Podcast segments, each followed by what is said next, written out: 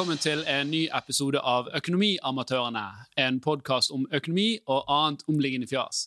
Mitt navn er Alf Gunnar Andersen. Jeg er gründer og daglig leder av Horde, som også sponser denne podkasten. Som vanlig har jeg med meg den kunnskapsrike Jan Tore Kristoffersen. Vel, det er det fineste du har sagt til meg noensinne. Ja. Og jeg løgn. Men vi har òg med The Man, The Legend og Jan Tores Vers mareritt.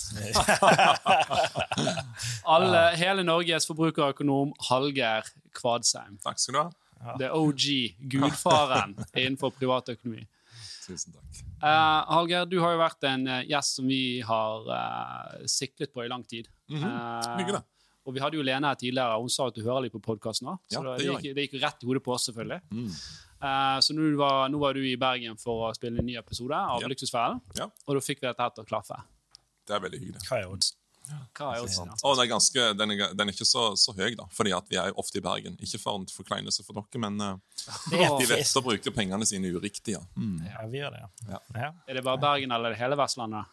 Mest Bergen, for å være ærlig. Eller iallfall våre deltakere. Vi får ganske mange uh, deltakere fra, fra Bergen, ganske mange søknader fra Bergen. Så det er nok uh, i snitt um, dere og selvfølgelig Sarpsborg som uh, skårer høyest. Eh, definitivt. Eh, og en ting til som er viktig, og det er mer sånn TV-faglig. Vi skårer alltid veldig høyt seermessig når det er noen fra Bergen, for bergenserne elsker å se på hverandre. Ja, men de, ja, og kanskje Det er og- bergenser på Luksusfellen! ja, og og og skadefryd. Det kan også godt være. Ja, ja, ja, ja, ja. Jeg kjenner jo folk som har vært med. Kan, eh, nå, nå har jo du vært mange år på Luksusfellen. Vi har en del unge lyttere, og det er ikke sikkert folk ser på lineær-TV engang. Men uh, kan du fortelle litt om din bakgrunn og, og uh, den rollen du har hatt her i, i hele, hele Norge sin privatøkonomi? Ja, altså, jeg, um, jeg vil dra det helt tilbake. Jeg kommer jo fra en liten plass heter Kvassheim på Jæren. Uh, og når jeg vokste opp, mine foreldre var bønder, så, så var jeg nok veldig glad i å Ja, som, som deg, Alf, jeg er jo litt sånn gründer i magen. eh, og drev og kjøpte både sauer og, og solgte gulrøtt langs veien og alt mulig. Jeg tenker de der som var liksom 10-11 år og dro ned til riksveien for å selge gulrøtter. Du får ikke lov til å gjøre det med mindre du ja. uh, men uh, så, så, så, jeg- og, så interessen for økonomi var, var tidlig til stede. Mm. Og så etter hvert så dro jeg jo til, til, til Bergen. Jeg har bodd her i fire år pluss militæret og gikk på, på Handelshøyskolen og, og ble økonom. Begynte etter det bl.a. I, i Dine penger. og Har egentlig jobba med privatøkonomi helt siden jeg slutta på, på studiene. Men Gikk jo rett liksom, til, til dine penger, som òg da var, eh, var liksom en, en medieselskap på den tiden? Ja. Eller? Ok. Er et blad, sånt. Det var et magasin, ja, et blad, Ja. som da var drevet av Karsten Five og Christian Vennerød. Mm. Fantastiske sjefer, fantastiske folk.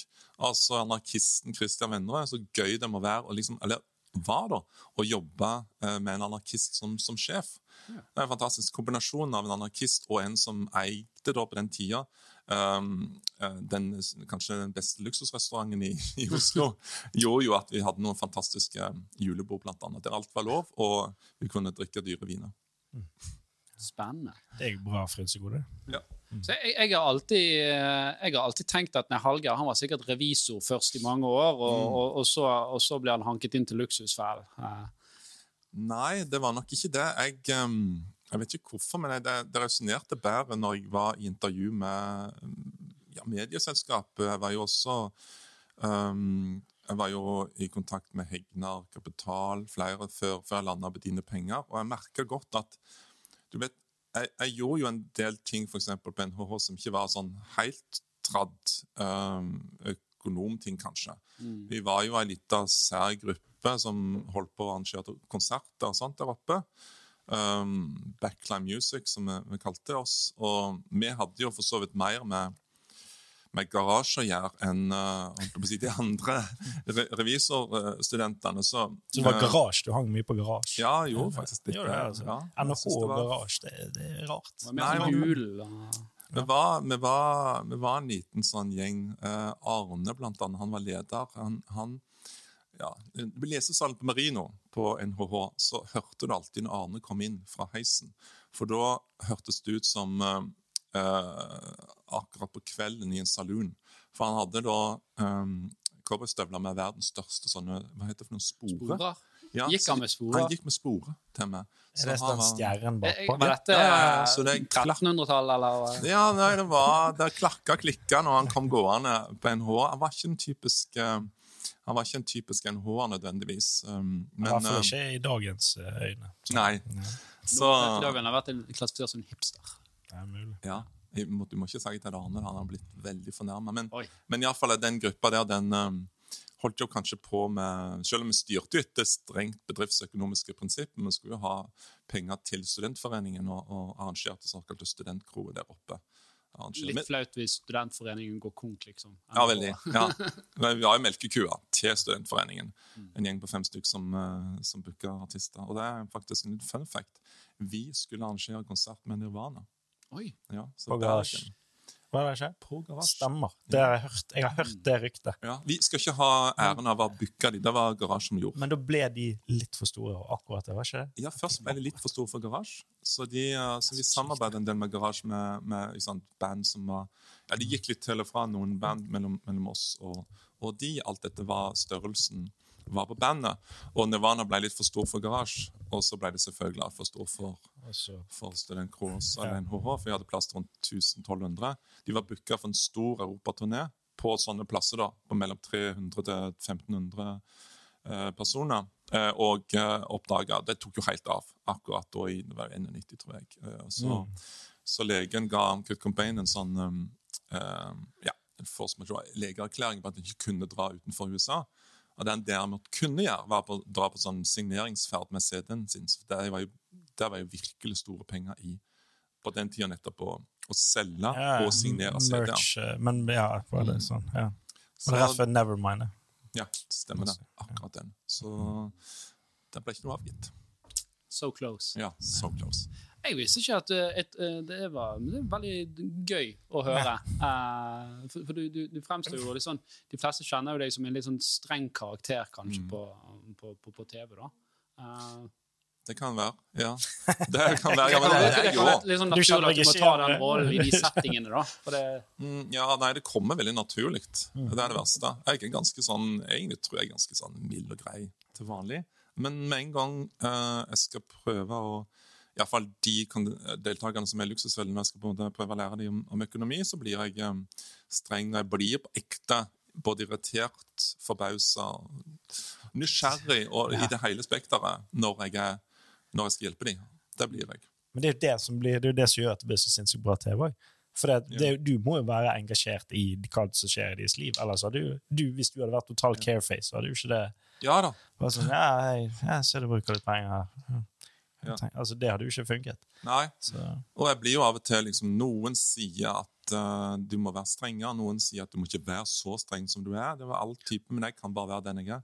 Jeg gidder ikke, i hvert fall ikke nå når jeg har vært der så mange ganger, så gidder jeg ikke liksom høre på hvis det er noen regissører som sier at du kan du liksom ja, nå syns jeg du var enten for mild eller for streng. Nei, jeg er meg sjøl, altså. Nei, men du har vel vært så lenge. Du trenger ikke ta noen føringer, du. Fra. Det er mulig det. det, er mulig det.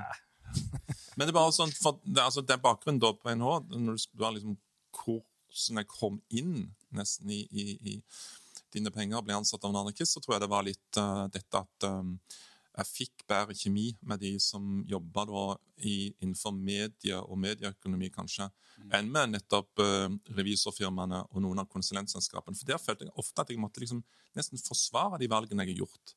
At jeg måtte liksom forsvare at jeg hadde ikke gjort ikke vært mer en næringslivsutvalg eller arrangert um, konferanser eller, eller den type ting på NH, men hadde holdt på med, med rock og, og, og ukearrangement og sånt. Um, og jeg gjorde jo andre ting som kanskje heller ikke var sånn super A4, at jeg dro på loffen i, i Guatemala og sånt mens jeg studerte der. Mm.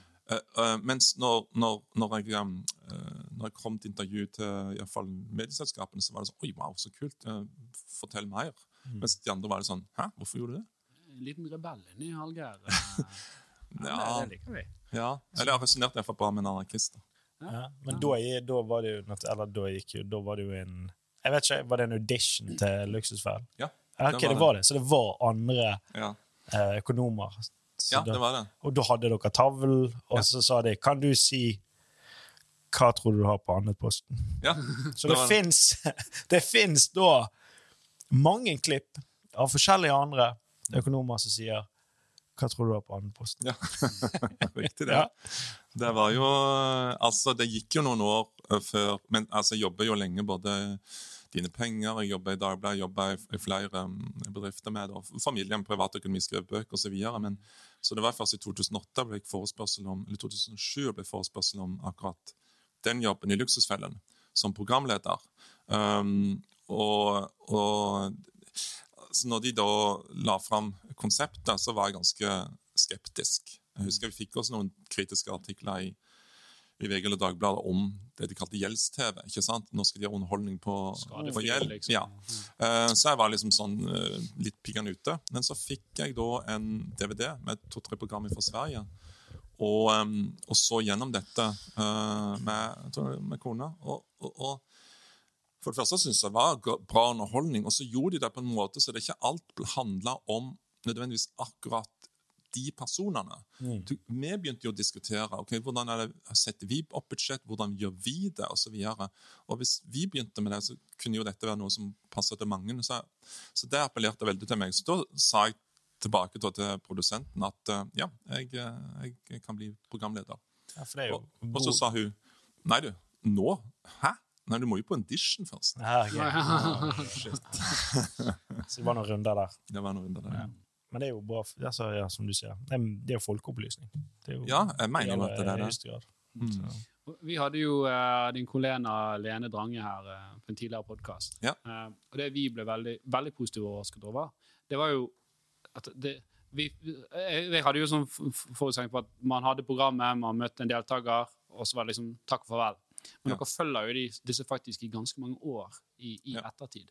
Så det er jo sånn at man, man føler kanskje et veldig stort ansvar da, når man går så dypt inn i økonomien til noen. og Ja. og, men du, du må jo ha en enorm portefølje nå av, Ja. av mennesker som ringer deg eh, både dag og natt. Og de hyggeligste telefonene jeg din får, sånn som jeg gjorde nå på eh, onsdag på vei til, til Bergen. I, I bilen så ble jeg ringt opp av Raymond, Raymond Seppola ifra, utenfor um, Horten, er det vel han bor, um, som kunne fortelle da at han hadde blitt gjeldsfri eh, ett år før planen. hvert Det Hei. fire år siden vi hadde opptaket. Så han um, gledesstrålende uh, kunne fortelle oss det, og at han hadde kjøpt uh, hus. Eh, Og dessuten gifta seg. Så når jeg sa det til Lene, så sa hun at ja, men dette visste jeg jo. Er du forresten invitert til bryllupet? Nei! Og det var hun! men det var, det var uansett veldig hyggelig å få den, eh, å få den telefonsamtalen. da. Ja, ja, ja. Eh, Så vi, vi følger de så tett som de på en måte ønsker det sjøl. Mm. Fordi vi kan jo ikke, vi har ikke fullmakt lenger til å bestyre. Ja, den, den river jo dere på Ja, TV-en. på så- ekte. På ekte. Ja, vi gjør det. Ja, det er ikke bare en prop. Nei, Eller- den er proppen. Vi har en annen fullmakt. og vi, eh, den varer um, den varer i Den er ganske definert, men den, den tar jo slutt eh, kort tid etter, etter eh, opptaket. Ja. Så, så, så, eh, så sånn juridisk sett så kan vi ikke følge de opp på den måten vi, vi gjør mens, vi, eh, mens opptaket foregår etterpå. Men, eh, men Du hvis kan de- ikke ringe banken og spørre betaler han Men fortsatt. det hadde jo Nei. vært for eh, ressurskrevende. Ja, det hadde det. Men hvis de ringer oss, og, så Og og ting skjer jo, ikke sant, med de òg. De, det er samlivsbrudd, de mister jobben, um, de må flytte. Så da, da er det mye bedre, som jeg sier, at de, at de tar en telefon for mye enn en for lite. Så vi følger de opp så, så langt det, det er mulig. Um, men det må jeg jo si, det er jo Der skal ikke jeg ta mye av æren. Det er, jo i første omgang Lene og resten av redaksjonen som tar det oppfølgingsarbeidet. Mm. så For som du sier, har fryktelig stor portefølje, og etter hvert jeg klarer ikke jeg klarer ikke å følge opp uh, alle de. Ja, du må jo, du må jo jobbe litt, holdt jeg på å si. Eller, eh, det er jo ja. begrenset hvor mye du kan, eh, kan, kan gi av deg sjøl i en sånn type setting. Så, Ja, selv om det blir så mange. Mm. Uh, når det gjelder disse som er på her, så, så, så, altså på Luksusfellen så Det virker som det er en sånn Har de fått én avhengighet, så har de alle. Altså, det er ikke Ja. sånn Ja. Hvis du snuser, så røyker du, og gjør du det, så handler du på bensinstasjonen, og hvis du gjør det, så altså, er, det, er, er det bare sånn kandidater som er plukket, eller føler du at det er en trend? At hvis man har noe man er avhengig av, så spirrer det ut i andre avhengigheter? Ja, det kan nok være. Du vet Generelt så er jo våre deltakere veldig dårlige på impulskontroll. Så, så det å si nei til seg sjøl er ekstremt vanskelig, og å si nei til familien er enda vanskeligere. Men som jeg sier til det, altså alle altså Jeg tipper sjøl Røkke Hospitalen sier jo nei liksom, til, til ungene sine av og til, fordi selv om de er gode for milliarder, fordi at det er på en måte det, ja, det gjør noe med, med hvordan de ungene blir, da. Mm. Um, så, og, men det har våre deltakere vanskelig for å gjøre, rett og slett. Det er, de er ja-folk. I, I det store og det hele. Ja, det, er jo, det er jo kjekt. Det er jo gøy. Ja, det er jo gøy. Det er jo, Det er jo det. det er jo, jeg sier Um, ikke nei til for en sånn gjentaker er vel typisk at de har litt uh, problemer med å si, uh, si nei til kompisgjenger. Ja, de er på byen, de skal være kar. Det, det er liksom holde oppe en fasade her. Mm, de skal spandere, og de skal, de skal aldri liksom la være å ta den ekstra byturen. Og ære være de for det, men, men de må jo gløtte litt på økonomien sin i dette, da. Så, men, men det er jo sant det du sier med avhengighet. altså Veldig mange er, har en eller flere typer avhengighet, enten det er energidrikk, snus Det er ikke så mye røyk lenger, men uh, de har uh, en sånn hang-up. Det kan være cola. Pepsi Max er jo en gjenganger. Ja, hva som- ja. Så uh, De sponser luksusvalgene, ikke ja, skal tro det. De trenger ikke det, vet du, for nordmenn er så gærne. Jeg hørte en plass at det var det var altså nest etter USA, så er, Pepsi Max, så er det Norge Pepsi Max har størst salg. Og det er ikke relativt til befolkningen. Oi. Det er absolutt Oh, ja, det er ikke bare som markedsandeler, det er totalt. De har gjort noe fantastisk her. I hvert fall sett fra dere. Ja, vi er glad i denne aspartamen. Ja. Ja. uh, jeg har et spørsmål. Eh, nå er jo det sånn at økonomivaner har jo gjerne endret seg mye. De siste årene. For vi blir et mer digitalisert samfunn. Har du merket noe av det? Altså, om, om hva, er det de samme problemene som var for tilbake i 2008? Det er jo 13 Nei. eh, år siden, eller? Det, det, det skifter seg. Det gjør det. Ja. Du kan si i 2008 så var det ikke så ofte at vi hadde i hvert fall ikke, altså Våre deltakere hadde nok noe kredittkort og kanskje forbrukslån, men, men ikke så mye. Det var ofte de, de holdt på å si vanlige regningene som gjorde problemet, altså strøm, bredbånd osv. Ja.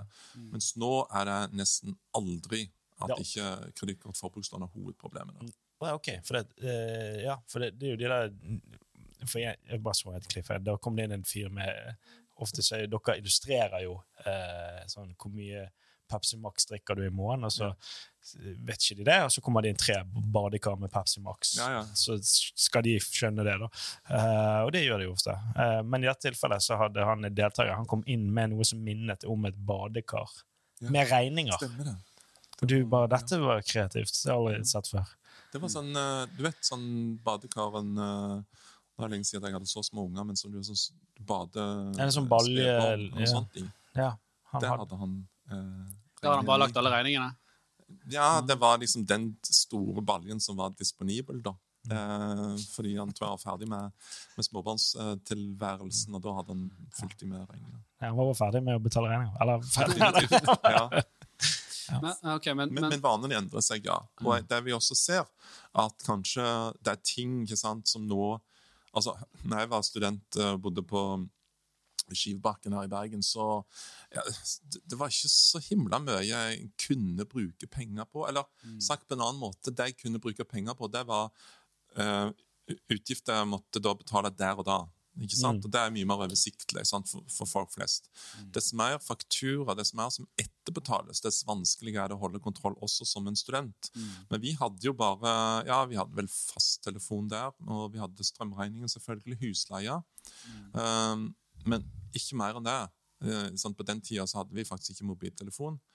Eh, det var jo nesten ingen som gikk på treningsstudio, tror jeg. Altså, altså det fanns, altså Sats fantes ikke. Høres ut som steinalderen. Altså at vi Ja, ja. løp rundt og De fant jo opp eh, hodet. Tredemølle, var ikke funnet opp eh, Nei, vi hadde ikke biler da.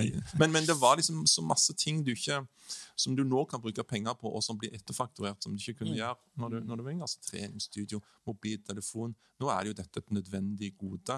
Du blir jo sosialt stigmatisert hvis du ikke har en mobiltelefon. Men sånn var det ikke før bredbånd. Altså, det er mange flere fristelser og mange flere ting som settes på en måte på må ha-posten enn en på vil ha-posten. Nei, det, har ikke tenkt over det at før i tiden var det var ikke så tilgjengelig, rett og slett. At nå er det alt er tilgjengelig. Men ikke bare det, men òg at markedsføringen og at alle firmaer er blitt helt sinnssykt mye mer aggressive på å ta dine penger. Ja, De følger etter deg på sosiale medier og, og gir deg da skreddersydde annonser. Så foreldregenerasjonen som maser om at ja, men sånn gjorde ikke vi det var- når vi var unge. ja, men Du hadde ikke det presset på deg heller. Hæ? Du hadde ikke det presset. Nei, du hadde ikke de fristelsene, du hadde ikke de, eh, de tjenestene, du hadde ikke de produktene som, som, som alle sier at du skal ha. ikke sant? Det var bedre før i tiden. Det er en klassisk. Ja. Dette, dette er jo en eh, milliardindustri. Sant? Hvordan skal du selge mest mulig til en Mm. forbruker i dag? Um, og eh, du har jo eh, Tilgang til på kreditt er jo kanskje en av tingene som, som, som er en utfordring. Men, men det er jo òg disse her kreditt som du gjerne ikke vet du tar. da. Altså Ja. buy now, pay later. sant? Uh, type Klarna. Klarna kommer som bare det, også i, for så vidt i vår sø søknadsbunke. Eh, og de er jo flinke, uh, for å si det sånn. Fra et uh, gründerperspektiv så er de fantastiske. Som et finansteknologiselskap så er de strålende. Men for uh, forbrukeren så gjør de det kanskje litt for enkelt. da. Og det er veldig mange som ikke tenker på Klarna som en kreditt, men bare som en tjeneste som en må ha. men I, ja. checkout. Men glem at det går jo kreditt og det går rente hvis de ikke får nedbetalt den fakturaen. Ja, hva de sier? De, de sier at de klarer å øke uh, salg på nettbutikker med 30 Og det, sier, det betyr at folk må kjøpe 30% mer, da. Ja, ja, ja. Det, det er jo penger som må komme fra et sted. Ja. Eh, så, så det der er jo, synes jeg, i hvert fall vi er veldig interessant å, å, å se på hvordan forbrukervaner endrer seg. Og så, og så er det jo det der at vi, før så det, det, det, må være nesten være litt friksjon når du skal kjøpe noe, Mm. for at du faktisk gjør dette tankevalget da, på om dette skal trenger jeg eller ikke. Ja. Sant? Blir det for lett at det er klikk, og så får du det med en gang, så, så vil du kjøpe mer. Mm, Eh, Det er jo helt naturlig. det det. Uh, og, og nå har jo ikke vi et fysisk forhold til penger lenger. Sant? Og dette er jo forsket på at Hvis du hadde penger i hånden og du måtte knekke den eh, hundrelappen, så svidde det litt mer. Mm, Nå er jo det bare et uh, tall på, på, på en skjerm. Um, hvordan ser du for deg liksom dette videre? Altså, Nå var det jo en rapport fra OECD som viser at økonomikunnskaper er generelt sett lave, og det, det er verre blant de unge. Ser du for deg sånn dystopi der liksom, det er ingen som eh, Der luksusfellen må bare ha Det, det blir ikke en TV-serie, det blir liksom en sånn allmenntilbud. Ja, det kan eh, Jeg ser jo også litt optimistisk på det. Jeg ser jo at Jeg syns jo at de unge, kanskje mer nå, eh, de som da er kanskje 18 til 25, virker å være mer kunnskapsrike om akkurat det enn kanskje den var for ti år siden. Utrolig nok. Men eh, det er klart det er jo vanskeligere å lære f.eks. unger om penger når de ikke ser det fysisk. Når alt skjer ja, Du må ikke engang ha med kort i butikken. Du kan bare sveipe mobilen over. ikke sant, og Apple Pay. Eh, så det, sånn pedagogisk så blir det eh, vanskeligere rett og slett å lære, lære de om økonomi. Men, men det har jo i større grad kommet inn i skoleverket. Det er fortsatt en litt for liten del, bare en del av livsmestringsfaget, men det er iallfall bedre enn sånn som det var for ti år siden. Og, eh, og de ser jo på ja, de ser på Luksusfellen, ganske mange unge de ser, har sett på Teenage Boss, og de, de har fått med seg disse økonomiprogrammene som er litt sånn kledd opp i underholdningsdrakten, og fått med seg hva som er fornuftig eller ikke. Så, så, så ja eh, jeg, jeg er kanskje ikke så så bekymra over, over det, men eh, ja. Time Men hvis show. alle blir fornuftige, det er jo, er det jo ganske mange uh, firmaer og Ja. uh, eh, tjenester som hadde gått under. Ja, Tror du det? Mm. Som bare ikke hadde hatt livets rett i det hele tatt. Ja da. Men vi er ikke der, og luksusfellen blir nok heller ikke. Selv om du har fått gjeldsregister for eksempel, som, som forhindrer folk til at De må iallfall hoppe av den voldsomme lånespiralen. På et tidspunkt så, så ser det ikke ut som søknadsbunker blir mindre i, i programmet. Så, og heller ikke pågangen til, til Nav og andre gjeldsrådgivere blir, blir mindre. Så vi, vi har si, dessverre mer enn nok å gjøre. Eller hvor mange er det som søker på Lux? Er det, har du noe tall på det som du Um, kan gå ut med? på en måte? Eller? Ja, jeg tror det er et, kanskje en tre-fire til dagen. Jeez. Uh, altså, det er noen hundre i løpet av et år, ja. Ja, OK. Det er såpass. Ja, det er det. Men det er veldig mange som vi ikke kan hjelpe fordi at uh, ja, For det første så er det mange som søker på vegne av andre, som slett ikke har lyst til å være på Luksusfellen. Mm. altså enten samboeren din eller mora di eller Ja, hun har prøvd. Eh, Ja, så det er mange sånne Ja. telefoner som er bare hva faen. Og så søker de jo Altså, folk søker jo brann på Luksusfellen, folk søker jo eh, kommuner, folk søker jo eh, eh, bedrifter på Luksusfellen osv. Så, videre. så det er ikke alle de søknadene som er dere har jo hatt et sånn her eh, luksusfellkonsept for eh, bedrifter. Ja, det var for småbedrifter. Ja, Ja. det, var- det syns jeg var ganske artig. Også. ja, og det er liksom Vi likte så godt å jobbe med det, fordi at hvis det er noen jeg synes som har altså, det er mange da, men det, det er gründere og småbedriftseiere og butikkeiere får altfor liten anerkjennelse i samfunnet, syns jeg. Det er ganske tøft å være uh, frilanser, selvstendig næringsdrivende, må ordne alt med moms og skatt osv. sjøl og finne ut av dette. Staten gir ikke så veldig god hjelp i det. Tilrettelegger ikke så mye for, Nei, for det. det. For det er bare sånn OK, jeg skal selge snowboard. Jeg. Det er det jeg er god på. Jeg har peiling på det. Ikke det jeg det er nå må du ha kontroll på GDPR og samtykker Ja, ja, ja, ja. og person... Altså, det Og for ikke snakke om alle som, eh, som eh, første- eller andregenerasjonsinnvandrere. eh, fordi det mangler eksempel hvis du, hvis du kommer fra, fra Syria og vil gjøre, og ikke får jobb med, med en gang, så det er veldig mange av de som vil starte bedrift, eh, vil være næringsdrivende og, og tilby noe. Og så er det kjempevanskelig å finne ut hvordan du gjør dette på en, på en, på en riktig måte, rett og slett. Eh, og, og der også er det jo ganske mange som går skikkelig på, på trynet, for de kommer e- etterskudd med moms og skatt osv. Så videre. så der, der må en bli flinkere, rett og slett. En må tilrettelegge Så eh, det for fins ikke et sånt uh, integrerings... uh, Kom til verktøy, eh, holdt jeg på å si. ja, Nei. Der. Det Det- det- fins noe god uh, kursing i enkelte kommuner, f.eks., så de gjør absolutt en del, men eh, de, de kommer ikke helt ut til de som skal, skal drive Nei. de små bedriftene. Så, så derfor syns jeg det var kult å, å, å lage et eh, Ja, Hva var det det het igjen? Businessfellen. Businessfell, det heter det. Åh, det var, jeg husker det var han ene der. Det var, det var litt artig. Han Ja. som hadde Jeg vet ikke hva, hva Det var noe konsulentvirksomhet som det var Men det var veldig fokus på de eh, kontorlokalene. Ja. At de skulle være fancy. Ja. Det var mye bordtennis, og det var litt sånn Det var viktig at de skulle se fresh ut. Trivsel på jobb. Ja. Det, så ordner seg. Ja. Ja. Ikke så viktig med kunder. Nei. Nå, eh, nå holder du på å oppfylle gründerdrømmen sjøl. Ja. Kan du fortelle litt om det? Ja, det er litt ba bakgrunn av nettopp f.eks. det at uh, selvstendig næringsdrivende og andre som, som mangler oversikt, skal få litt bedre uh, sånn flyt over hva de faktisk uh, skylder, f.eks. Nei, det er Inkassoregisteret, som er et selskap jeg eh, har etablert sammen med Lene Drange eh, og to andre som er gode på henholdsvis teknologi og forretningsutvikling.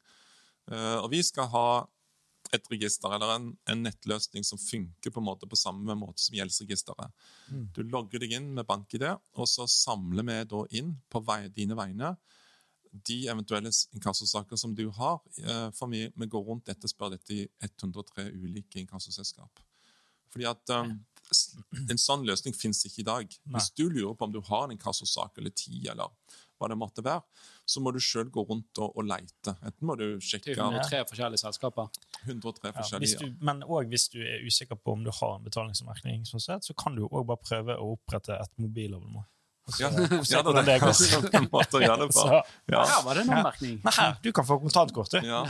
Men det er ti millioner inkassosaker hvert år. Og hvis du også innbefatter inkassovarsler, som er jo ganske moderate, kan du si, det er jo ikke så alvorlig å få et inkassovarsel på noen måte, men, men, eh, men eh, også folk flest mister jo oversikten. Hvis du har gått og parkert for eksempel i et parkeringsanlegg med sånn skiltgjenkjenning, du glemmer liksom hvilket eh, Hvor var det? Hvilken, hvilken parkeringsselskap var dette? Var det. Ja, ikke sant? Det er mange forskjellige. Og så har du en sånn 48 timers eh, vindu til å betale det, og så glemmer du det, selvfølgelig, og så, og så, og så, og så går fakturaen videre kanskje til inkassoselskap.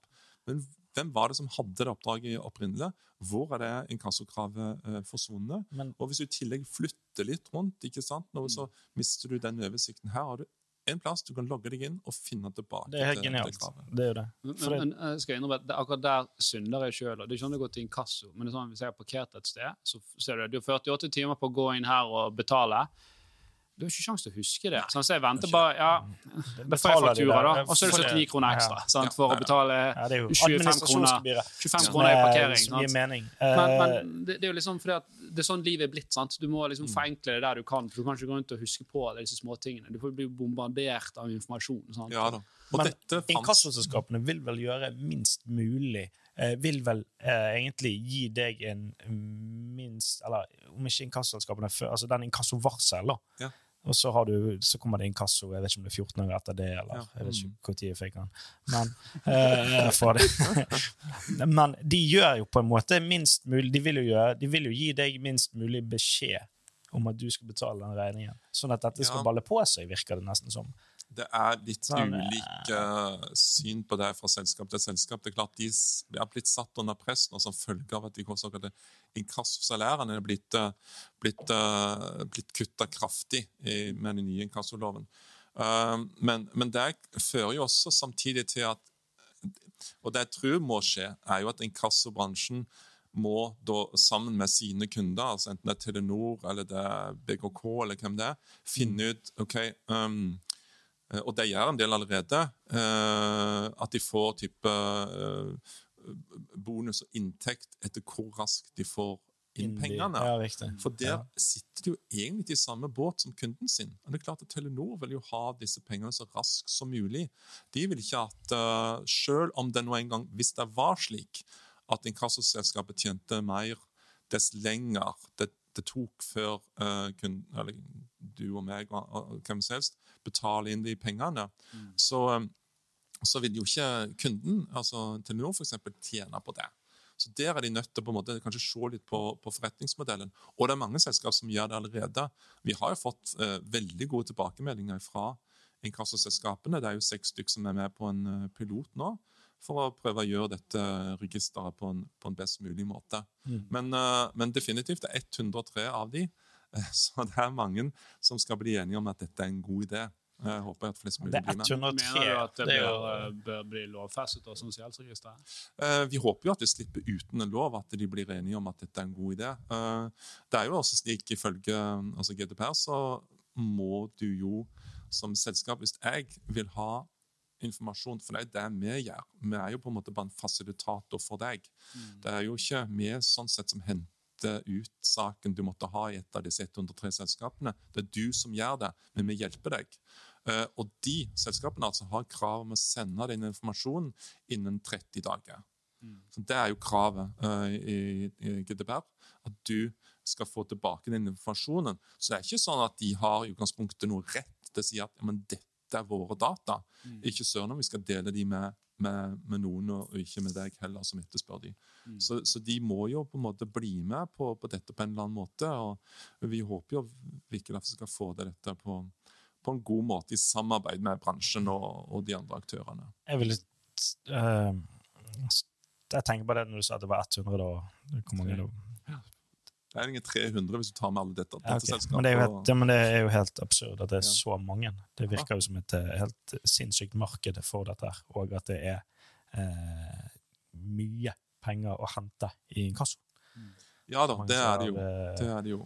Det er rart. Det, det rare er at når vi begynte Luksusfellen i 2007-2008, så var jeg forundret over at det ikke fantes en sånn tjeneste da.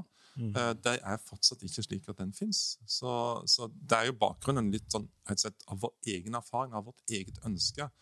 Vi vil ha dette, for det gjør også vår eh, vår, vårt arbeid i Luksusfellen mye lettere. Altså Nav-rådgiver, de som skal hjelpe folk med å få oversikt over økonomien, bruker sier det selv, i snitt fire til fem uker på å få den oversikten. For å tracke ned hva, hva, hvor folk har. Ja. Hvor, hvor Er det, er det liksom det første dere gjør når dere får en ny um, deltaker? Det er å sende ut brev til 103? Ja, det er det. Og det er på en eh, type e-postløsning som vi, som vi har. Eh, men det bør jo Og da bruker vi, og vi er, blitt, eh, vi er jo ganske på, redaksjonen ganske på liksom med purring og sånt, men det tar like fullt minst en uke. Så, og skal du gjøre det samme sjøl, så tar det mange mange dager for å få den oversikten. Så må du purre, så må du logge deg inn i x antall portaler, så må du ringe de og så videre, og så blir det sendt mangelfull informasjon.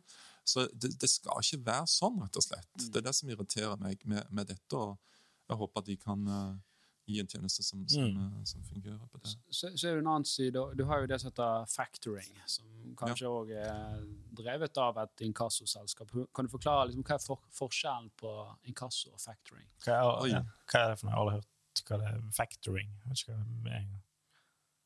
Nei, det tror jeg nesten du er bedre enn meg, Alf, til å forklare. Men det du setter jo i større grad ut, og, eh, kanskje på et tidligere stadium. Hvis du er ja, la oss si at en liten bedrift, så er det faktoringsselskap som da eh, eh, eh, altså overfører pengene for en faktura omtrent med en gang, nesten.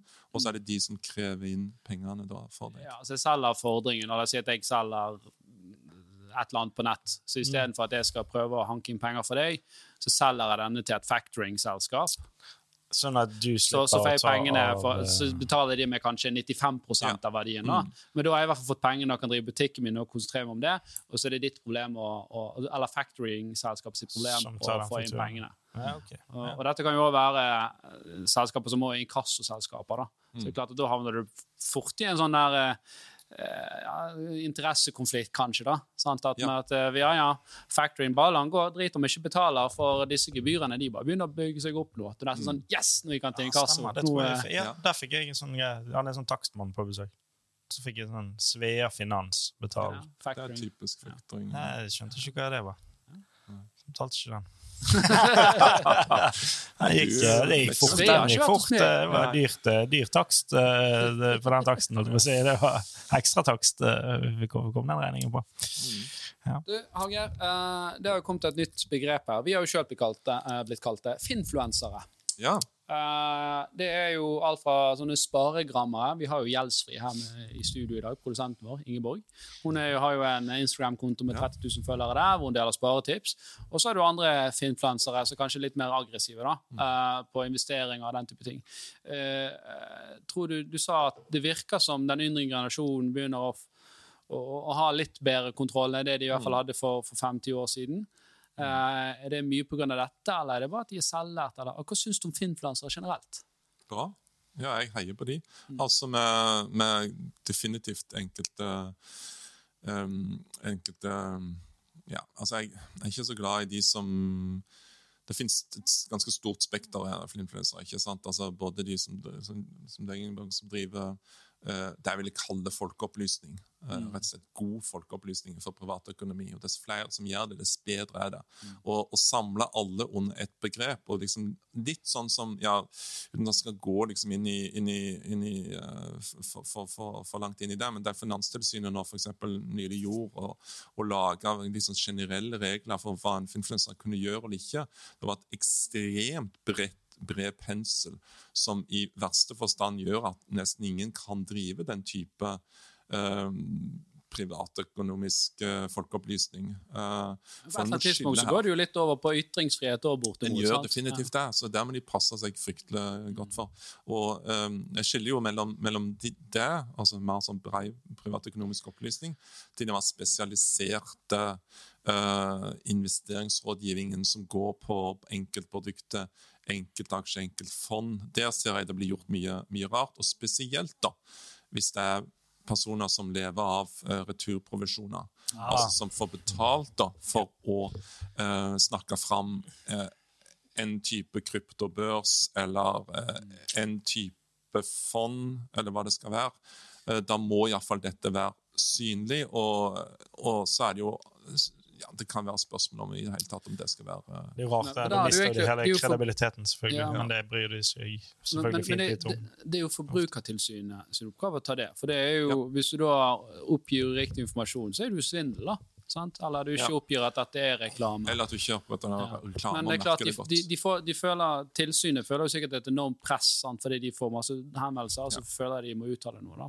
Mm. Men, jeg, men jeg, er- jeg er så vidt enig med deg at det, det er en jævlig tynn linje å begynne å begi seg ut på Eller tynn is, i hvert fall. å begynne å begi seg ut på det. Kjempe, kjempealvorlig. Jeg var jo en sånn en Twitter-diskusjon der blant annet Jon Wesselås eh, altså han eh, hva det heter for noe, ikke ytringsfrihetsadvokat, men han blir ofte lame, eh, altså, merksatt ved det. da. Han er en av de som vet mest om, om nettopp ytringsrett videre i, i, i det offentlige rom. og han også var sånn, selv om han gikk inn i, i kjernen på altså han, var liksom veldig sånn Dette kan virke som om de nærmer seg uh, grensene for, for hva en, en statlig in, in, institusjon kan, kan sette for, for nettopp ytringsfrihet. Selv om Mm. som jeg sier, det er noe vi møter ganske ofte. da, At lover eller forslag til lover eh, går inn på akkurat hva på det, det, det begrepet ytringsfrihet. Og så begynner vi å få veldig mange tilsyn òg, etter hvert. Ja. Eh, og ofte så har de faktisk eh, motstridende interesser. Kan, Eh, du kan ha Finanstilsynet som sier finansiell stabilitet, så vi vil at det skal være lite konkurranse for banker, for da er de solide. Og Ja, så har du. Konkurransetilsynet som sier vi vil ha masse konkurranse, for det er bedre for forbrukeren. ja, ja. Og så har du Datatilsynet som mener noe om data, og så har du Finanstilsynet igjen som mener nei, vi må kunne dele data, for da kan vi gjøre bedre hvitvasking. Ja. Så du blir jo helt hogg... Altså, drive som gründervirksomhet i dag, og særlig innenfor finans, det er jo et mareritt. Du må jo ha et backoffice som er større enn eh, det du har utvikla, ja da. Så- jeg er jo sånn, apropos liksom, nå, I inkassoregisteret så skal vi jo gjøre altså vi gjør den tekniske løsningen på en litt annen måte enn gjeldsregisteret. i den forstand at vi etterspør bare opplysninger når du som bruker vil ha de. Det er ikke slik at uh, for De sentraliserer vel eh, gjeldsregisteret. ja, de der pusher liksom, bankene ut uh, opplysningene om deg hele tida til et, et register. da. Mm. Det skal ikke vi gjøre. Så vi tror jo at vi er mer i datatilsynvennlig land.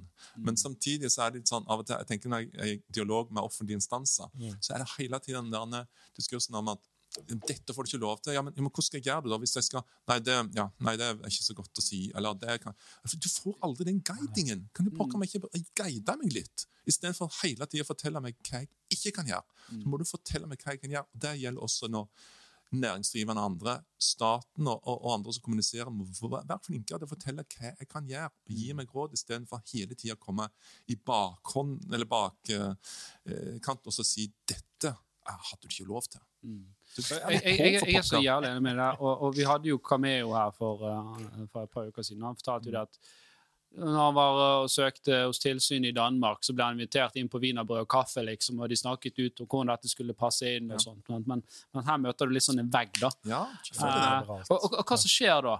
Jo, det, det er jo det at Nei, du, du tør jo nesten ikke å spørre, da. Sant? For du, du føler de er mer ute etter å ta deg. Eh, og jeg tror i hvert fall at du lokker flere bier med honning enn med jeg vet ikke hva, hva, Hva var det du sa da?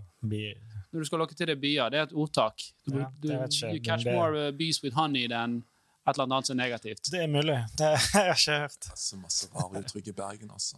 Det, ja. det, Det tror jeg er et internasjonalt uttrykk. Men greit. okay. men- poenget er at eh, jeg, jeg tror at det blir litt sånn Hvis, hvis du har eh, tilsyn som er si det litt litt sånn fiendtlig, da, eller innstilt, så, Mm. så gjør jo det at det blir en, liksom, en terskel for å ta kontakt Ja, med dem. Og det skaper jo masse merarbeid for dem, for da må de gå grave i selskapet. Istedenfor å ha en dialog med dem sant, Ja. og prøve å finne ut hvordan skal dette fungere.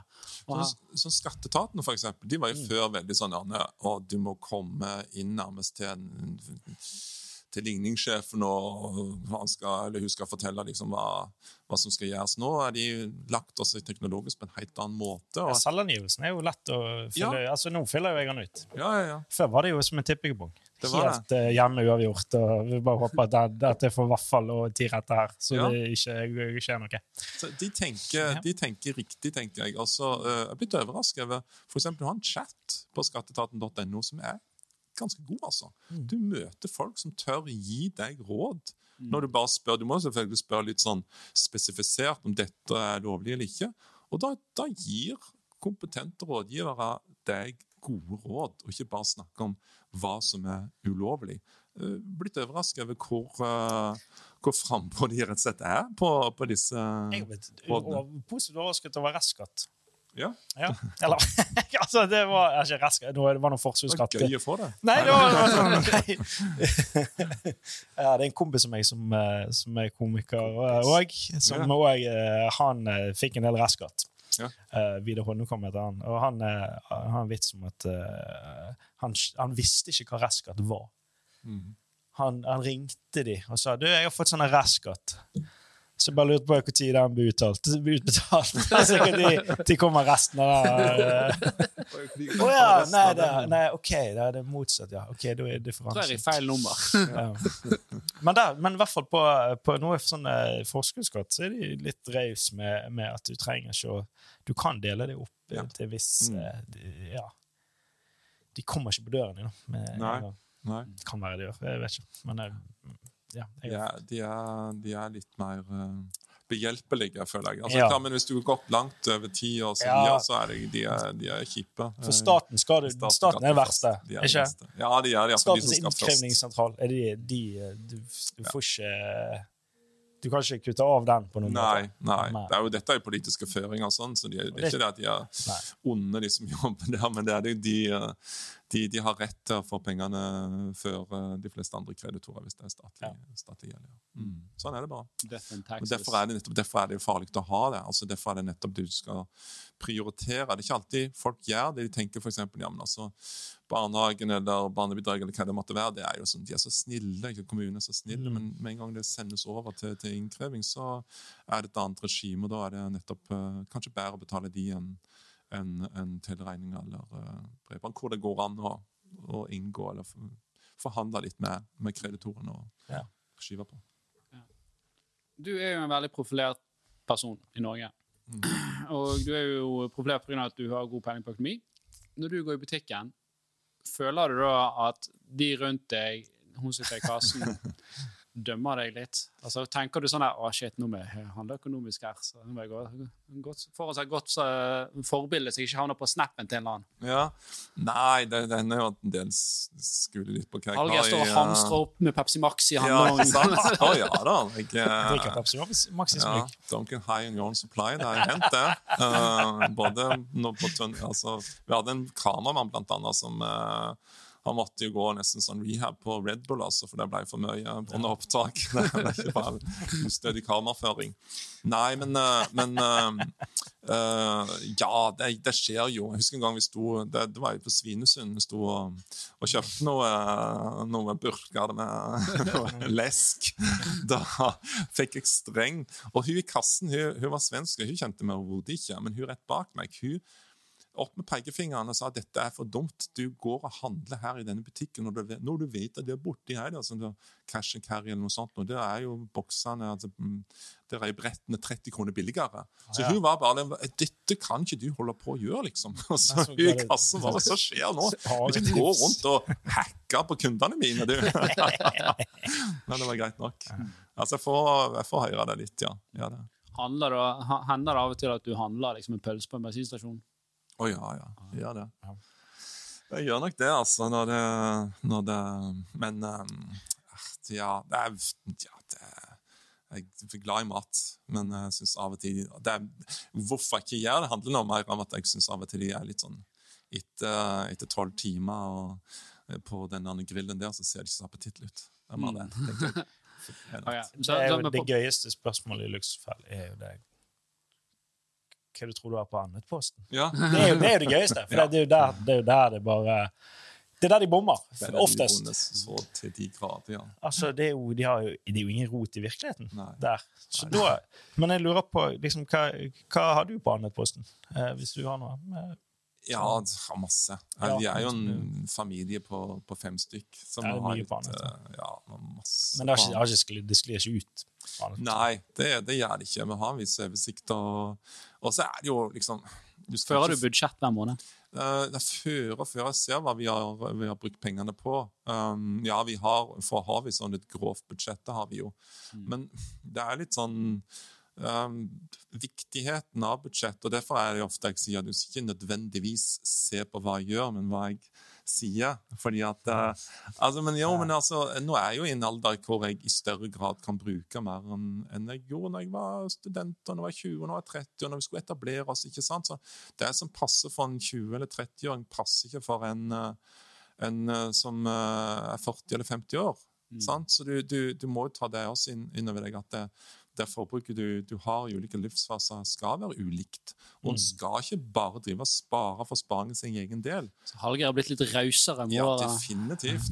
Altså, pengene skal jo Altså, all sparing er, er på en måte utsatt forbruk, ikke sant? Altså, t- t- skal, altså, du, du, etter hvert så skal du kanskje bruke de pengene. Mm. Skal ikke gå rundt, skal ikke, De skal ikke tas med på kistebunnen.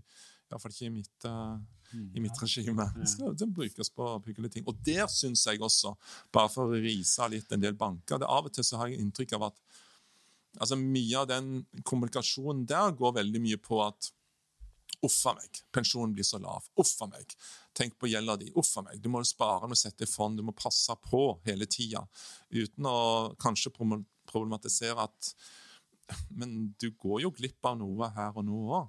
Altså, dette er jo litt rart at en får Luksusfellen sier, men du skal jo ikke skal gå helt i Carpe Diem. Men altså, du må jo passe på at du har det ålreit nå òg, hvis du ikke har noen plan om de pengene som skal settes til side.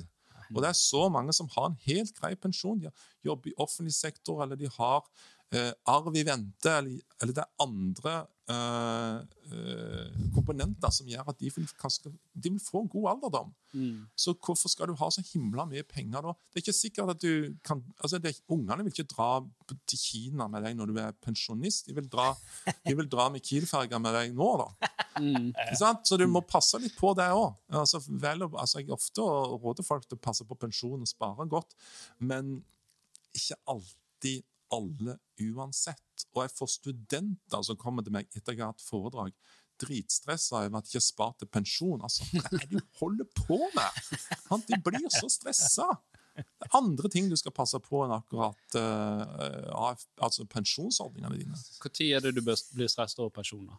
Sånn generelt sett. Nei, så da er vi ute på en sånn grove tommelfinger. Men altså Fram til du er 40, så altså, kan du ikke Så er det ikke Carpe Diem. Ja, det er litt Nei, men det er også Det passer på boligen din.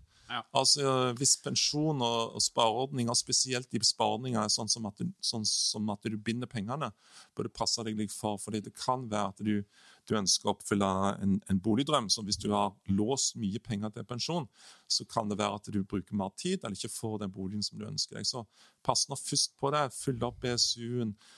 Kjøp den boligen du, du ønsker deg, før du blir altfor stressa med, med pensjon. da. Mm. Men altså for all del, det finnes det også 20-åringer som eh, har mer enn nok og har spart nok, og som kan uh, sette av penger til f.eks. pensjon også. Så det er klart det, det, er, det er vanskelig å si at en, en regel passer alle, også her. Det er en balanse, og den er jo gjerne veldig individuell. da. Ja, definitivt. Um, så det er jo det er klart at uh, det er jo det som kanskje gjør økonomi vanskelig òg. Og så går Mm. man og så hører man på disse sparegrammerne. Eh, og så får man litt, kanskje litt eh, dårlig samvittighet da, for Ja. man har ikke gjort eh, ditt eller datt. Mm. Um, jeg må jo spørre deg sjøl, hva er den største økonomiske tabben du har gjort i ditt liv? Og det tror jeg å ikke uh, altså Det er jo lett å si når du kikker deg selv i bakspeilet. Du skulle investert mer. Du skulle putte mer Ja, ja, penger det- for. I, i å kjøpe mer bolig, utleiebolig osv. Eh, Bitcoin. For Ja, med, ja. med en gang kom. Med en gang Ja, ja. kom. Uff, jeg kjøpte ikke bitcoin i 2008. Ja, det var- Ja, altså, jeg hørte ikke? på en podcast her forleden altså Bitcoin har jo vært nede i 60 dollar for én bitcoin. ikke sant? Og sånt. Ikke så mange mange år siden. Nå er det 60 000. Ja. Husker vi snakket om på kontoret med gamlejobb når han var på sånn 700-800 dollar. Ja. Og vi tenkte, å, faen, nå er det høyt. Å, vi skal begynne å mine. Nei, vi gidder ikke. Ja.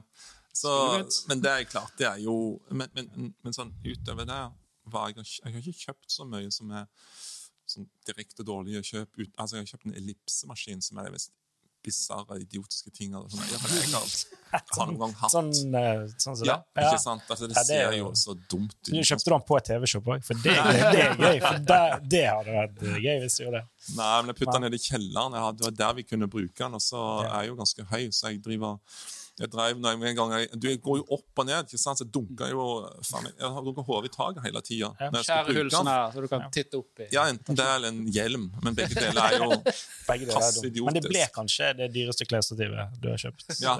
Nå er en, nå er en, nå er det en gitt bort på Finn. Det skjedde faktisk for bare noen få uker siden. For jeg så du, du klagde på med TV-en din på Twitter for en, en stund siden. Ja, ja, ja. Det var noe greier der. Ja, det det sortnivået, var det Nei, hva var det for noe? Ja, Det var tre Fifa-kort som hadde etsa seg fast på, på skjermen. Ja, Det, det, det var det, ja! Det var noe der, ja.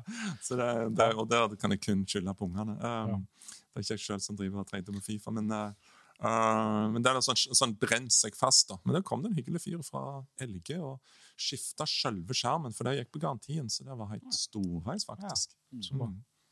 Vi snakket litt om krypto i sted. Har du sjøl investert noe i krypto? Ja, lite grann. Men det er mest bare for å lære. Og det er ikke, det er ikke så mye at det vil eh, Jeg har råd til å tape, tape de, eh, og det er jo generelt. da. Og Er det bitcoin, eller Det er bitcoin, ja. ja, ja, jeg, ja. Mm. Altså, jeg kan ikke nok om dette, men uh, det er safe bet er jo å gå for det mest uh, det som har en stor merkevare i dette markedet. Du har jo vel langt over 10 000 ulike typer ulike kryptovaluta eller tokens. da. Så jeg har gått på det mainstreama. Men selv, det er jo ikke sånn du kan forvente nødvendigvis en avsindig avkastning akkurat.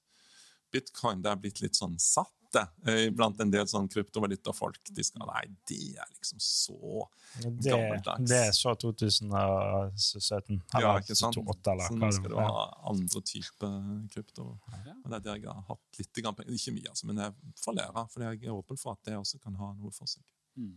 Ja, men det, det er jo spennende å følge den utviklingen der. Og, og det, det er jo det som jeg syns er vanskelig, eh, og det er sikkert folk som kan dette, her, men, men skal du investere i krypto, så er det, det er fortsatt veldig vanskelig å forstå hva er det underliggende liksom, verdidrivende Ja. her, utenom om, om spekulasjon og hypen. Ja. Eh, og så kan man sikkert få en veldig god fil med det, med å følge med på forumer og kanskje Mm. se noen trendanalyser. Men, men eh, der er jeg fortsatt kanskje litt sånn old school. da. Eh, at eh, Jeg har jo betyr i finans, og da Ja. så vi på selskaper, og så så vi på PE, og så så vi på en del andre faktorer. da. Mm. Eh, mens her er det en, en, en ny type og eventuelt trade, eller en ny form for trading da, som Ja. blir mer utenfor min komfortsone. da. Ja, det er veldig mye ja, type teknisk analyse og sånn som er, som er veldig lite basert på nødvendigvis substans, men mer hva eh, markedet gjør, og hvordan det reagerer. Og det er jo farlig å se seg blind på det, tenker jeg. Mm. Så som alltid, har et godt råd er diversifisere. Aha. Men jeg mener at det kan være uklokt å ikke ha noen verdens ting i krypto også. Eh, Mm. Ikke minst fordi at jeg mener at folk bør lære seg opp og lese seg opp på dette, som, som kan jo bli kan store anførselstegn blir noe stort. Men tror du det har skapt en del av verdien til bitcoin? Alt folk har f- At det har blitt en hype, og så er fear of missing out? Altså bare at Det- alle det- det er noe som heter, ja, eh, tvil om det. Ja, og det er noe som heter siste idioten inn. sant? Eh, Ja. Når, eh, Ja, når, det når bestemor MLM, begynner å skal kjøpe krypto, da, Ja. da er det, det Det kan være et faresignal òg. sant? Eh, Og det er det som jeg syns er Nå må vanskelig. du ut. Når bestemor går inn, så må du ut. Det- det- Men, men det er jo klart for, for, Hvis du ser eh, Det er jo mye med krypto og bitcoin sant, som det desentraliserte utfordrer jo i en stor grad pengepolitikken i, i land. Sant? Hvis krypto plutselig står for halvparten av alle transaksjoner, Ja. hvordan skal du da drive en effektiv pengepolitikk? Sant? Vi, vi har jo prøvd en, en, en fellesvaluta i euro, så hvordan det gikk, med Hellas i ene enden og Tyskland i andre enden. Ja. Så, så hvordan skal liksom verden fungere hvis bitcoin blir uh, the one to rule them all? Da? Så, det, så det er en del sånne ting som gjør at jeg tenker faen, selv om jeg eh, syns dette er spennende og jeg kunne gjerne tenkt meg det, så er jeg redd liksom for at eh, på et eller annet tidspunkt så setter eh, Uncle Sam ned, Ja. foten. Det har gjort de i Kina allerede. Ja, det ja, det. Er jo bandet Ja, eh, mining. For der, så har de gått med sin egen valuta. Og de jobber jo her i Norge med en egen valuta. Altså alle stater egentlig jobber med en egen, sånn, Mm. egen eh, kryptovaluta i dag. Da. Mm. Så, så det blir veldig spennende å se hvordan det eh, vil, utvikle seg. Hvis staten sier nei, det er ulovlig å handle Ja. i bitcoin, ja da. Ja. så, så forsvinner jo likviditeten igjen. Forsvinner likviditeten igjen, så, så blir jo det ja, blir det en like god uh, store of value som det er i dag.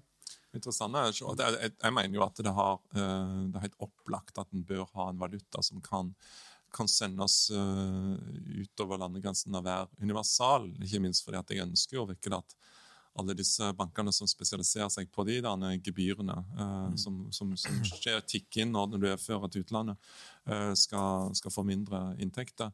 Men, eh, men ja, det er spørsmålet om det blir Jeg håper ikke det blir et sånt si, valutansvar på esperanto, for du, du vet, det gikk ikke særlig godt. Det er ikke veldig mange som tror at esperanto vil være det store språket i Ja, det var jo dette her fellesspråket du skulle lage for hele verden. Ja, ja, som var, også var ekstremt. Jeg hadde en tysklærer som var tror jeg, formann i Norsk Esperantoforening, og han var helt frelst.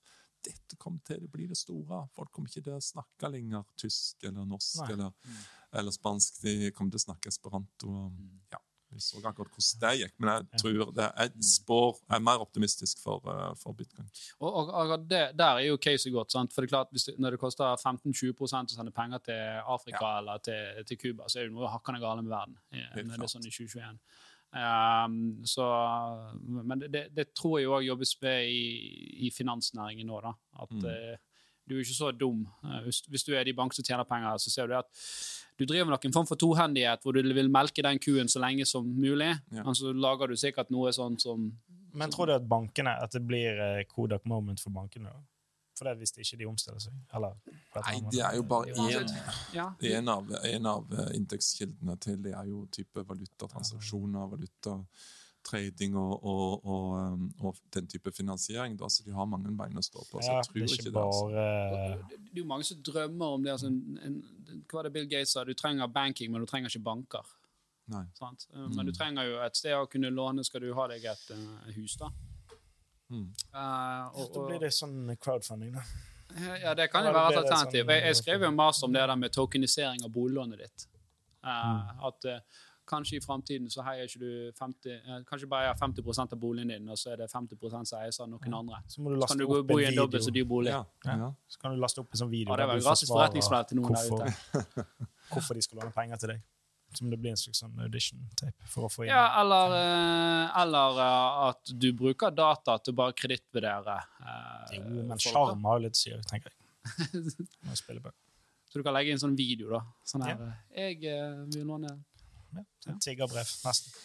Uh, Hva er din beste investering du har gjort, da? Nei, det er bolig. Ellipsemaskin. Ja, du er gæren. Hæ? Ellipsemaskin, ja. Kjøpte Kjøpt eh, 5000, solgt til null. Uh, nei, det er nok um, bolig, definitivt. Ja. Um, det å eie bolig i forholdsvis sentralt i Jeg har vært med og vært heldig, bare. Vi har vært med på den store boligreisen i Oslo Oi. og fått det gratis Ja, det i hendene så det holder. På, på bare å kjøpe meg opp uh, i det markedet. Og, og det har jo vært uh, kjempebra.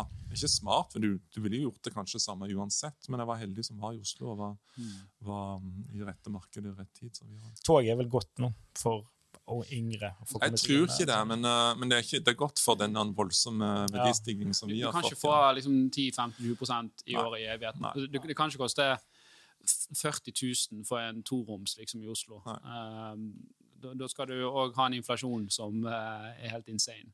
Mm. Eh, og, og det ser vi jo tendenser nå. Du ser jo i USA blant annet at du har en inflasjon som øker der. Og, så det, det blir jo veldig spennende å følge med. For- for Det var det vi har- vi 5 forrige måned? Hæ? Var det 5 Ja, det var, ja og, og, og det har jo mye med at uh, det, det er en stor del av befolkningen i USA som forlater arbeidsmarkedet. Det er mange som, som, som krangler for å få høyere lønn, og det blir dyrere å produsere. Uh, og, og hva skjer da hvis du får en voldsom inflasjon? Jo, da vil renten settes opp. Og, og hva skjer da med aksjemarkedet hvis plutselig du får faktisk rente fra pengene dine i banken? Ja Så kan du gå på trynet der. Mm. For det er det som har drevet aksjemarkedet. Du har jo eh, price earning som er helt hinsides Ja. i aksjemarkedet i dag. Ja. Fordi at alternativet er å ha pengene i bank til null rente. Mm. Men hvis plutselig alternativet blir å ha 4 Mm. rente, så eh, blir det vanskelig å, forklare, å forsvare de prisingene du har i aksjemarkedet. Så, så jeg tror liksom de neste fem årene blir veldig, veldig spennende. Mm. Å se. Og, og får du en rente på 4 Jeg tror det er mange som eh, kommer til å merke det på lommeboken altså, hvis Ja. boliglånet ditt går fra 2 til 4% oh, ja. ja, definitivt. Det gjør det jo. Men Er du eh, her er det fulle. mm, det, Ja, det. Eh, veldig bra. Har du noe annet du ønsker å dele med oss? Eller føler du noe annet vi bør gå inn på?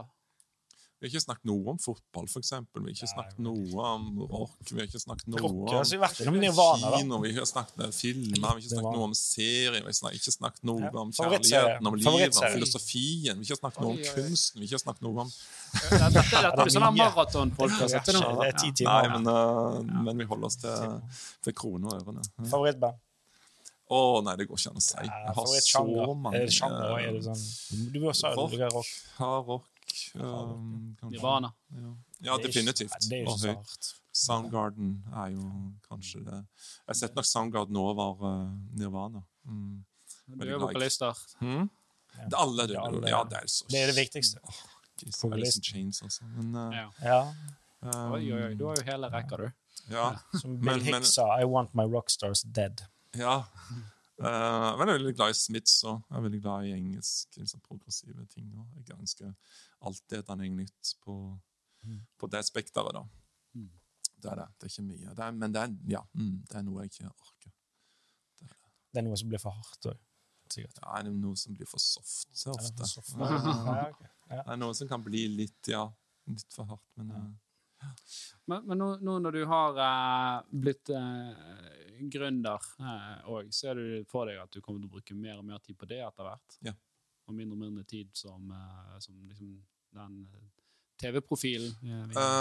ja, det kan være dette Nå bruker jeg ikke så mye tid lenger heller på Luksusfellen, for jeg er ikke med i så mange programmer. Mm. Og, og uansett, i den tida jeg brukte mer, så, så var det ikke Det var mange andre ting jeg jobba med samtidig. Jeg er jo selvstendig næringsdrivende, jeg er jo ikke knytta til noen bank, finans eller andre. Det Mm. eneste mest faste jeg har, er jo eh, gründer og eh, for så vidt eh, Skipsted, eller Dine penger, VG. altså at Jeg skriver Mm. saker og lager podkast og sånt for de. Men, eh, men jeg ønsker jo å gjøre mer Jeg ønsker jo å gjøre eh, økonomi lettere for folk. Eh, og det er en av grunnene til at jeg også uh, syns det var så utrolig kult med Horde. Måten dere gjorde uh, gjeldsregisteret i utgangspunktet, da, Mm. mye mer forståelig for folk, var helt eh, fantastisk. Og, og den type um, visualisering da, og den type forenkling er jo noe jeg ønsker sjøl også. Å skape en god oversikt for folk over privatøkonomien. Fordi, uh, let's face it, liksom, selv om mange rundt bordet her er veldig glad i um, altså, faget økonomi eller privatøkonomi, eller hva som ligger i det, sånn, så er folk gir folk blaffen så lenge de har en viss oversikt. Og jeg håper jo å være med på å gi den oversikten. Mm. Ja, det tror jeg er veldig viktig. Og at ikke folk skal bli skal jeg si, velge mine ord med omhu, men ikke blir iallfall lurt for mye av banken sin. Men det kan jo være også at, sånn jeg, eh, at når du får den oversikten, så blir, kan det være at det òg skaper mer interesse for det. For det, Ja, jo mer, nettopp. altså, Det er nettopp det som er, når det gjelder, altså, Akkurat inkassoregisteret. Det vi ser når folk åpner opp i sin egen økonomi, for eksempel, det er at de er veldig, de er veldig på i starten. Det er et sånt momentum. Og de ønsker å få den oversikten, men så stopper det. Fordi at uh, møter litt motstand. Ja, og det tar lang tid å Mm. få tilbakesendt liksom, fra enten måtte være Lindorf eller fra Connector, hvem det skal være, eller fra bankene dine.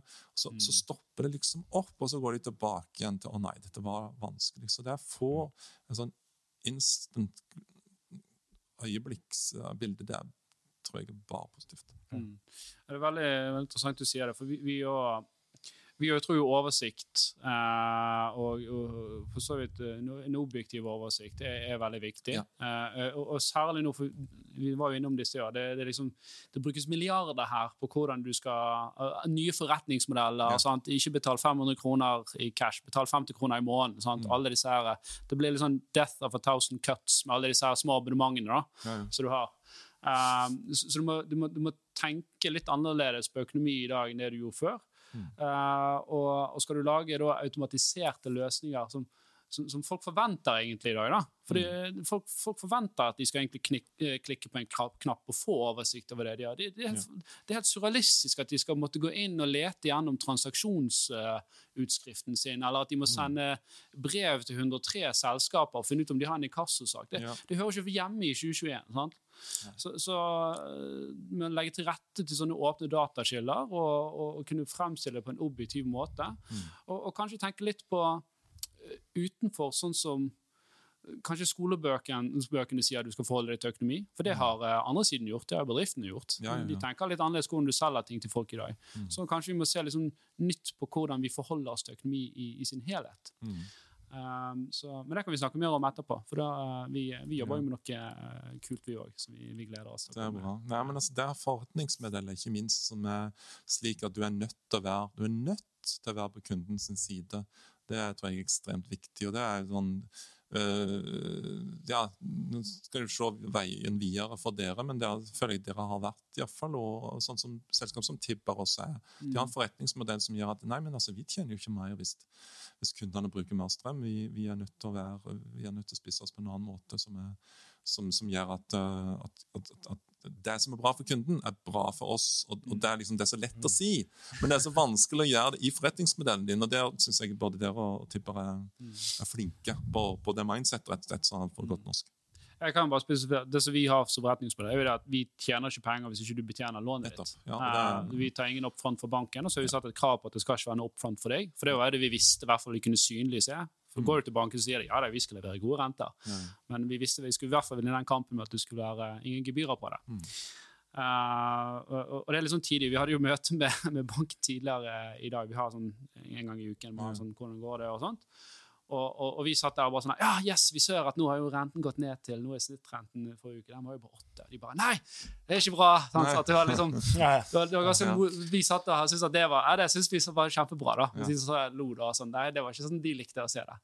Men, eh, men det um, Banken tjener ikke penger på 8 Jo, de tjener jo penger på det. Men, eh, Ja, det men så må vi liksom Vi føler vi driver veldig mye sånn uh, eh, Ikke voksenopplæring, men vi vi, bruker, vi, vi prøver liksom å gi sånn innføringer, men vi må tenke litt nytt nå. Ja. Skal du ha et produkt her som, hvor du skal ha de faktisk gode, sunne kunder, så må du tilby et fornuftig produkt for de òg. Og så er vi jo veldig på at det skal være transparent. Ja. Uh, at vi skal forstå det, og at kundene skal forstå det. Så, ja. Mm. Nei, men Vi har sikkert mye artig vi kan snakke om. Definitivt. Ja. Uh, avslutningsvis så har vi et uh, ukens lytterspørsmål. og Jeg tror det er ingen i Norge som er bedre til å svare på akkurat dette enn uh, deg. Mhm.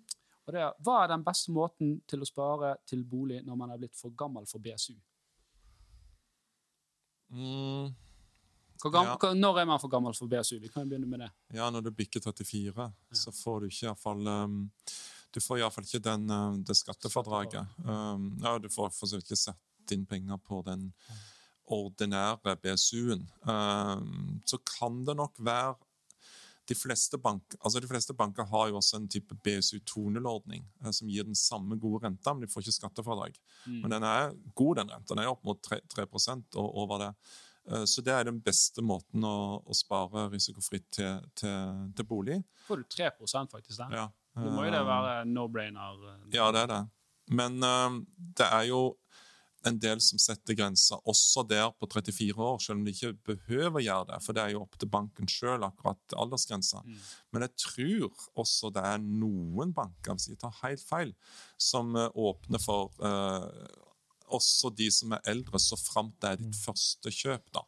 Altså det type første, det som før kaltes Ja, for du har liksom det BSU, du har ikke, du, det fins ikke BSE. Altså boligsparing for eldre. Eh, Nei. Eller det, det det, det, det, Nei. De gjør ikke det. Nei. Så prøv å sjekke litt om det er mulig å, å gjøre det for, for en eh, som er også bikker 34. Hvis ikke, så ja, det er avhengig av tidshorisonten er. Altså Hvis det er fortsatt er kanskje ti år til du skal kjøpe den boligen, så er det global indeksfond jeg ofte anbefaler. Hvis det er bare to eller tre år, så, så ha lav risiko på dette. Men uh, kanskje pengemarkedsfond, f.eks. Eller gå på finansportalen.no og, og finn de sparekontiene som gir best rente. For der kan du også få i det minste i hvert fall over 1% og det er iallfall noe da, i forhold til storbankene sitt uh, usle tilbud på kanskje 0,2-0,3. Nei. Ville du anbefalt en eh, person hvis han har mulighet å låne av venner og familie for å få EK til bolig i dag? Det er mange som gjør det jo. Det er jo mange som gjør det. Eh, det vel Det var jo derfor vi lagde vennelån, for det var 42 de, Ja. de måtte be venner og familie om hjelp. Ikke sant? Så det er ganske vanlig. Eh, og det syns jeg jo er det, det kan være naturlig å gå i en dialog med, med foreldre for eksempel, om akkurat det, selv om ikke de må det er viktig at de ikke føler seg pressa til, til det. Men eh, um, det kan jo være en mulighet. Men, men generelt det, er avhengig av hvor, hvor, du, hvor du er i livet, hvor gammel du er. altså Hvis du er liksom 19 år uh, Det er mange som blir stressa av det, at de ikke eier egen bolig når de er 20 år. altså Alvorlig talt, slapp av. Uh, og, og prøv heller å spare mest mulig sjøl. fordi bankene sjøl sier jo at de har mye mer mislighold blant de som har fått hjelp av foreldre, enn de som har spart opp sjøl. Så en gjør kanskje seg sjøl en bjørnetjeneste hvis en hele tida tenker at det er en sånn uh, Eller få noen gode vaner tidlig i voksenlivet. Ja, Definitivt. Da, Ja. Mm. Eh, de som ikke har uh, familie som kan hjelpe, det er jo noe som heter husbanklån. Og, ikke Ja, og det er jo det kule med nye statsbudsjettet, at de skal få mye større midler inn, i, inn i det. Og som nok også kan gjøre at altså For å få husbanklån, et startlån som det heter, så har nåløyet vært relativt trangt. Primært vært eh, aleneforsørgere med dårlig økonomi. Eh, Det kan være andre som har pro varige problemer med å komme inn i boligmarkedet av ulike grunner. Men, men nå kan det være at det blir et litt bredere mandat. Så fra første til første altså Det kan godt hende da at også du som hører på nå, kan få tilgang til et såkalt startlån. Fordelen med det er jo at um, det er veldig lav rente, og du kan bruke det som en toppfinansiering. Altså Du kanskje kan få hovedlånet i din, din vanlige bank, men, um, men, men der du ikke ville fått hele lånet vanligvis, for de vil ikke ta den risikoen. Men så tar de den risikoen, for de ser at Husbanken låner kanskje 15 eller 30% til deg, og tar den såkalt andre prioriteten, altså den svakeste sikkerheten. Uh, og På den måten så, så kan du komme deg inn i boligmarkedet. Så Sjekk ut hva som skjer i Husbanken fra første i første. Det er kommunene som styrer dette, så du må en, eventuelt gå til en, til en egen kommune og, og se hva som er, er praksisen. Og Den kan variere fra kommune, kommune til kommune. da. Så det varierer da liksom hva er kriteriene for å kvalifisere? Er det Ja. kun en kjønnsmessig vurdering, eller er det alder og inntekt? Og Ja, det er, det er nok en grad av skjønn også, iallfall i, i enkelte kommuner. Så Og er derfor ble. Dæhlie flyttet. For, Ja. Ja. Han vil ha husbanklån. ja, så du Ja. Hallo, Arne. Here I Det var en sånn eh, Obos eh, Obos har vel noe sånn fra leie til eie-saker òg. Jeg vet ikke helt hvordan det fungerer. Men eh, Det syns jeg er et, et, eh, et eh, attraktivt produkt. altså. Jeg synes det er heier på de som kommer med sånn type Og de eh, type leie-til-eie-produktene jeg har sett, så har vært ganske ålreit, rett og slett. Så det er definitivt noe å, å snuse på. Ja. Mm. Det er både fri, Obos og det er noen sånn private utbyggere som har, har begynt med det. Veldig spennende. Jeg tror vi har holdt på ganske lenge nå. det tror jeg jo. Eh, Hæ? Å ja, OK. Jeg har fått her uh, Ingeborg vil jeg skal gjøre fem raske med deg. Uh, Ja. uh, vi bare begynner rett på, vi. Er du klar? Er Pepsi Max eller Cola? Pepsi Max, Red Bull eller Monster? Red Bull, Burger King eller McDonald's? Burger King, Øl eller vin? vin. Lotto eller V75? Oh, Lotto. Favorittprogramleder Jan Tore eller Alf Gunnar? Det er umulig å si! altså. Det, alt andre var jo så lett, og så kommer du med den mest vanskelige til slutt. Vi skal slippe å svare. Jeg, jeg, jeg, jeg tåler ikke å høre svaret. Nei, men uh, tusen takk for at du kom, Hage. Dette har vært uh, kjempehyggelig. Absolutt. Eh, det har vært veldig lærerikt. Eh, hvor, de som vil følge deg Du er veldig aktiv på Twitter. Er det der du Ja, eh, jeg har med egen nettsted også, pengeverkstedet.no. Ja. Der jeg uh, har en blogg og legger ut saker om privatøkonomiartikler, tips osv. Og, så og du kan også for så vidt uh, Det skal jo bygges opp uh, en verktøykasse også der. For de som ønsker å gjøre mer sånn aktiv bruk av eh, for å sjekke om de har beste forsikringsselskap eller beste leverandør osv. Så, videre. Mm. så der skjer det mye framover, håper jeg. Eh, Pengeverkstedet.no er litt lettere, litt enklere å komme i kontakt med meg der. Ja. Så sjekk det ut. Uh, og takk for oss, tror jeg vi sier da. Yes. Bare hyggelig. Ha Ha det. det bra. Ha det.